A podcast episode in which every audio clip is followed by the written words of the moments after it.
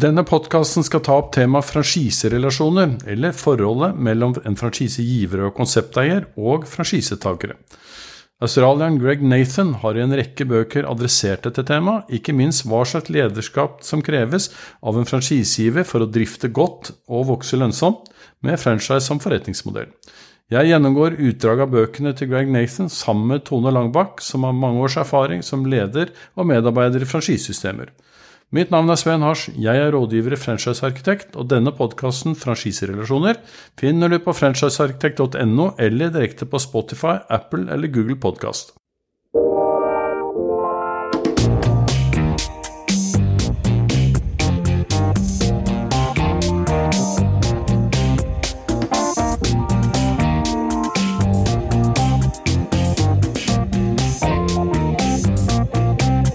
Da ønsker vi velkommen til podkasten om franchiserelasjoner, basert på bøkene til Greg Nathan.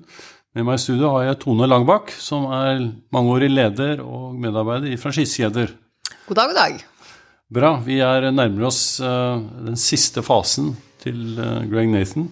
Uh, han har jo skrevet en rekke bøker, bl.a. Franchise E-Factor og Franchise Relationships. Den er også oversatt på norsk hvor han deler en franchisetagers livsløp inn i seks faser, avhengig av kall det mental modenhet. skal vi kalle det det.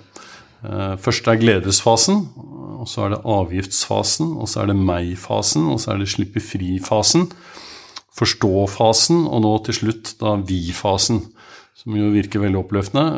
Bare for å ta logikk logikken her, da, i hans argumentasjoner her, er at gledesfasen er i begynnelsen av kontraktsperioden. Da er man veldig optimistisk. Man er veldig Dette her skal man lykkes, dette gleder man seg til. Og da glipper det ofte litt i svingene i forhold til å forberede seg. Man virkelig forstår hva man går, på, går inn på. Eh, så er det avgiftsfasen hvor man har tre til seks måneder, man har vært der en stund. Man ser oi, eh, det var ikke så bra som jeg trodde, jeg er litt kritisk. Og man blir litt uh, adresserer giveren, for man syns ikke man har fått helt det man ble lovet. Meg-fasen, da er man selvsikker, man har drevet en stund. Man, 'Dette er jeg som driver dette her, det er jeg som skaper resultater'. Det er ingen andre som skaper resultater. Man blir veldig kritisk. Så er det slippe fri-fasen, hvor man måtte fortsatt er, er selvsikker og har erfaring, men man tester grensene, for man ser at her kan jeg gjøre enda bedre business, og jeg prøver å utnytte og strekke eh, strikken litt i konseptet. Så er i forståfasen hvor franchisetakerne er blitt litt eh, er, ser at et fellesskap Man er i større grad evne til å lytte og se helheten i konseptet. At man jobber sammen med å skape resultater, som er da sluttmålet her. Og da går vi da inn i dette som da kalles vi-fasen. Og da ser jo franchisetakeren ofte da at eh, at suksess og tilfredsstillelse, kall det det, det er lettere hvis man jobber sammen. Og Franchisetakerne i fasen er ofte de er samarbeidsvillige, selvsikre, tenker fremover. Eh, og det som fra franchisegivers synspunkt da, er kanskje viktig å ta med seg der, er at det er jo ikke en fase hvor man bare skal sette seg, lene seg tilbake i stolen og vente at pengene ruller inn. Eh, for nå er jo alle glade, så da, da går det veldig bra. Jeg tjener masse penger. Er det, bør helst ikke det? Nei, da, i hvert fall i disse dager hvor eh, ting går så fort eh, både i markedet og, og, innovasjon, så her hjelper det ikke å ligge på latsida og tenke at uh, franchiseavgiften går inn. Og det vil jo ikke da kunne være lang tid før franchisetakerne igjen begynner å bli enda mer krevende. Um, sånn at eh, de er jo selvfølgelig nå mye mer erfarne, som du sa. De har jobbet uh, en god del år. De har samarbeidet seg imellom mange år, og det gjør jo at de, de, blir tryggere, og de ser forhåpentligvis at det er et veldig bra konsept. Men som sagt, hvis vi ikke utvikler nesten daglig, så vil vi tape terreng til konkurrentene. Og det er jo det som gjerne blir et krav fra franchisetageren. At de ser andre nye konkurrenter kommer opp og, og har en voldsom vekst. Så det vil si at man, eh, Her kan man jo, og det, det kjenner vi jo til eh, begge to, i forhold til å ha en sånn toveisdynamikk. På den ene siden så skal vi, vi som franchisegivere jobbe med å kartlegge markedet, kartlegge konkurrentene, kartlegge trender, være faktabasert og presentere hvordan er markedet i dag, hva skjer fremover, eh, hvilke utfordringer ser vi, slik at franchisetakerne hele tiden ser at man følger med, og at man ber om feedback. Og samtidig så kan man da på Det finnes flere måter å engasjere franchisetakerne på, gjør det ikke det? I forhold til å få deres innspill.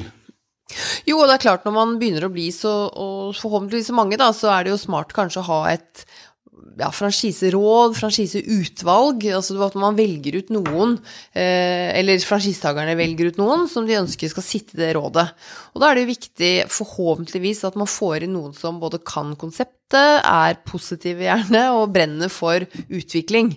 Eh, det er samtidig viktig å huske på at det er viktig at det må være en sånn balansegang i de møtene, at det er ja, sånne kjente ting som at det er omtrent samme antall fra franchisegiverne som franchisetakeren osv., så videre, sånn at det er en sånn sunn maktbalanse, da, for å kalle det det. Eh, og det er jo da viktig at det, man har det hele tiden. Og så er det franchisetakerne som stort sett velger representanter. Eh, og da må man jo ta seg tida til igjen å bli kjent med de, hvis ikke man har kjent med de på samme måte som noen av de andre.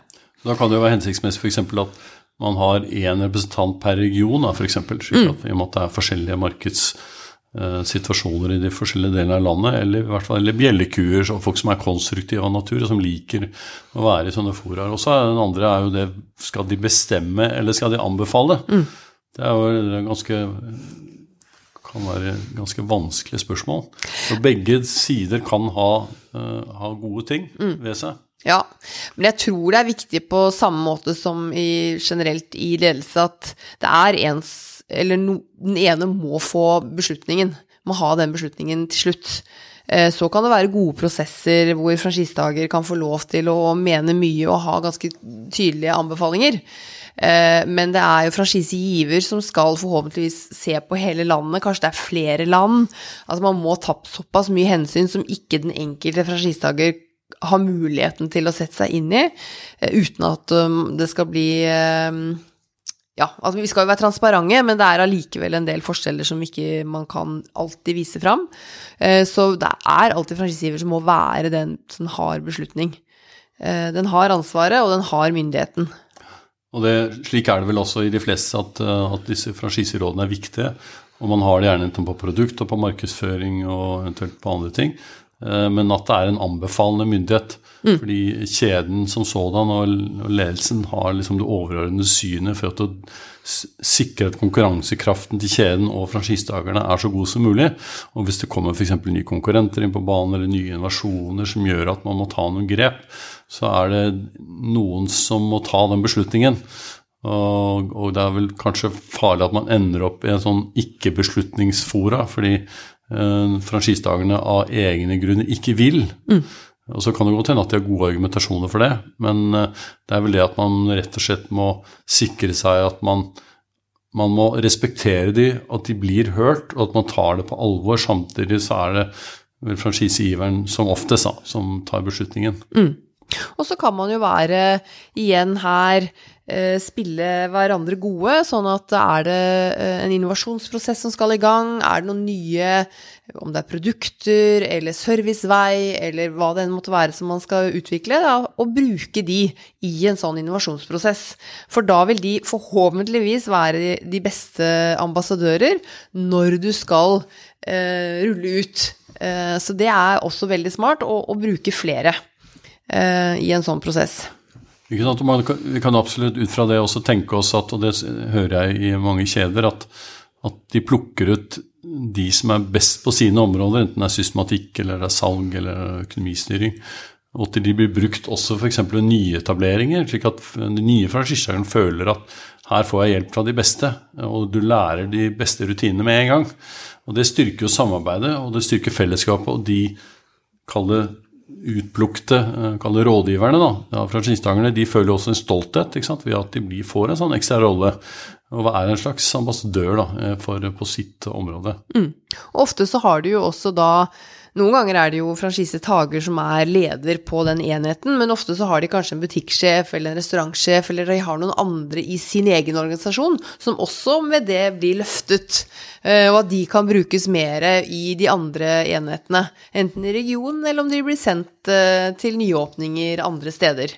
Så det er en veldig forsterkende kultur vi her kan skape ved å gjøre det på den måten, og ikke minst du avlaster din egen organisasjon i ressursbruk. Eh, sånn at du trenger ikke å ha mm, så mange opplæringsansvarlige eller så mange på utvikling og innovasjon, fordi at du får den drahjelpen du trenger. Og, og, det er, og, det er, jo nettopp det som er poenget med franchising. Er det ikke det at du da med la oss si, de samme antall mennesker, da, la oss si det er ti stykker, kan vokse fra 20 til 50 enheter, fordi mm. nettopp du delegerer oppgaver nedover i systemet til franchisetakerne, slik at du kan eh, nettopp drifte dette på en god, men også kostnadseffektiv måte. Mm. Uh, og Da er vi inne på et annet tema som er ganske spennende, og det er det flere franchisetakere i sånne faser. Uh, senest vil jo spørre jeg vil gjerne ha flere enheter. Mm. Og da er spørsmålet hvordan gjør man det på en god måte, slik at man på en eller annen måte har en mer eller mindre objektiv eh, vurderingsprosess, altså ikke bare blir trynefaktor. Mm. Og at det å gå over fra én til to enheter, eh, det er jo sånn gammel sannhet om at det er veldig vanskelig, fordi da har du fokus på to steder. Eh, og hvordan er du rede mentalt for å gjøre det? Og kjenner du til en del sånne evalueringsprosesser på, på det? Ja, det er klart at det er viktig å gjøre ikke bare da evaluering når de tingene kommer opp, men gjøre det fast. Ha det som en fast eh, system og rutine i organisasjonen din, at du tar en årlig evaluering. Eh, og det kan være på alt fra økonomi til kvaliteten på lederskap, om de evner å få med seg mennesker, organisere seg osv. I tillegg til liksom, lojaliteten til konseptet. For det er klart at eh, skal du vokse, så er det viktig at du gir eventuelt sted nummer to til noen som på en måte forholder seg til det vi har blitt enige om. Eh, men akkurat den der at, som du sa, at det å bli dobbelt så stor eller tre, det er ganske krevende. Så da må du kjenne til alle dine franchisetagere. Og der er vi tilbake til utgangspunktet også, at liksom den der å få en relasjon til folk Kjenne de eh, på godt og vondt, som gjør at også du da kan ha den kanskje litt mer ubehagelige samtalen, hvis ikke du ser at de eh, kan ta restaurant eller butikk eller konsept nummer to. Eh, men det å ha disse um, evalueringene med lønnsomhet, samarbeid, drift, alle de tingene som er viktige for å få eh, et sted til å, gå bra, det er eh, viktig. Og da, da kommer jo nettopp det fra franchisetakeren. Ja, men hva skal til for at jeg får nummer to, da? Mm. Eh, ikke sant? Og Da er det sannsynligvis at man legger frem et vel, hvis du skal ha nummer to, så må du tilfredsstille de og de eh, kvalifikasjonene, dvs. Si trening eller et eller annet initiativ som man må gjøre, slik at man kaller kall det forretningsmessig er bedre forberedt. Da. Er det det som er tanken? Ja, og da virker du jo mye mer proff òg. Eller du, ikke bare virker, du er mer proff. Det er ikke bare, som du sa i sted, en trynefaktor eller ja, jeg tenker at det er greit at du gjør det. Jeg har virkelig tenkt gjennom det fordi jeg har systemer og rutiner rundt det eh, som gjør at også svaret til den franchisetakeren kan bli, enten om det er positivt eller negativt, forsterkende. Hva må du gjøre hvis ikke, og hva må du gjøre hvis? Eh, begge deler er viktige for å på en måte få en forsterkning av den handlingen du vil skal skje, da. Uh, enten om det er at man må trene for å bli bedre, eller ta noen grep, små justeringer. Så det er, eh, det er et ja, og det er ikke, akkurat den delen der er det ikke mange som gjør. Så jeg tror at eh, skal man ha virkelig få suksess og igjen starte en vekstfase, så er dette eh, virkelig veien å gå. Fordi jo flere som kan ha to uh, steder, eller flere, jo enklere er det jo. Og da er man inne i nettopp den vurderingen skal man ha én franchisedag med én enhet, eh, uansett om man har 30 eller 100 enheter, eller skal man bygge opp det som kalles cluster franchise, altså hvor du har da eh, fem, seks, syv større aktører som har fem, seks, syv enheter hver. Eh, og begge de modellene har vel fordeler og ulemper. Fordelen er jo at det er færre å forholde seg til på cluster. Samtidig så er det jo også en større maktfaktor. Mm. Det vil si at man har mye større grad av profesjonalitet for å kunne håndtere det. Um, så det er jo Kjeder velger forskjellige løsninger. Mm. Uh, jeg vet ikke hva, hvilken erfaring du har med cluster franchise, men Nei, det er Jeg har ikke så stor erfaring, men det er som du sier, du får en mye uh, større maktbalanse, uh, avhengig av hvor stor clusteren er. samtidig så kan det jo være en kjemperessurs for deg. Men det, hvis det er gjerne i en storby eller i liksom en større region, så kan det bli for uh, for stor påvirkning, altså gå, gå utover de mindre stedene, som da ikke kjenner seg igjen i det bildet som denne hovedclusteren eh, beskriver. Så det er en sånn, ja, ja fordeler og ulemper. Mm. Veldig bra, Tone. Og da har vi nemlig vært gjennom uh, Greg Nathans uh, seks faser på franchising, hvor man da går gjennom livsløpet til franchisetakeren med mål om å ha det rette lederskapet i hver enkelt situasjon, med mål om at man, hvis man ønsker å vokse, gjør det på en god måte og tar med seg fellesskapet.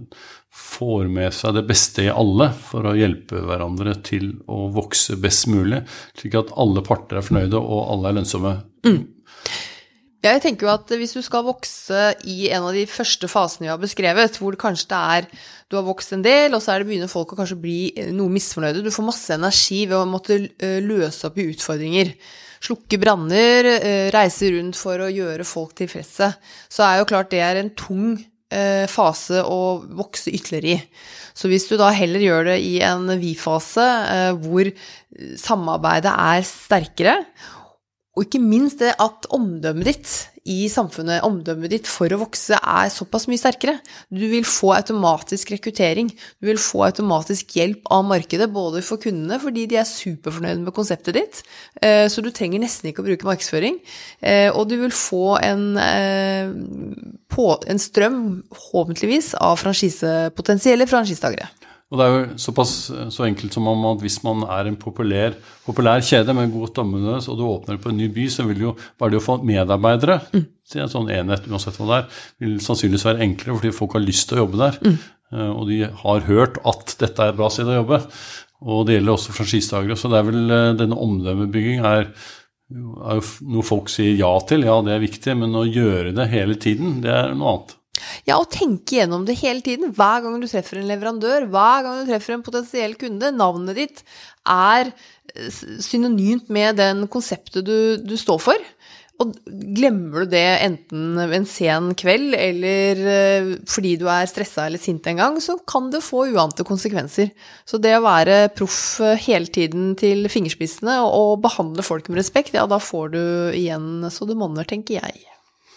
Takk skal du ha, Tone. Jeg syns vi har vært, uh, hatt en god uh, gjennomgang av disse seks fasene. Og forhåpentligvis uh, hjelper vi andre til å få, få, litt mer innsikt i Greg Nathans litteratur og den lederskapet som vi i hvert fall mener som franchisekjede må ha for å drives best mulig med best mulig resultater. Takk skal du ha.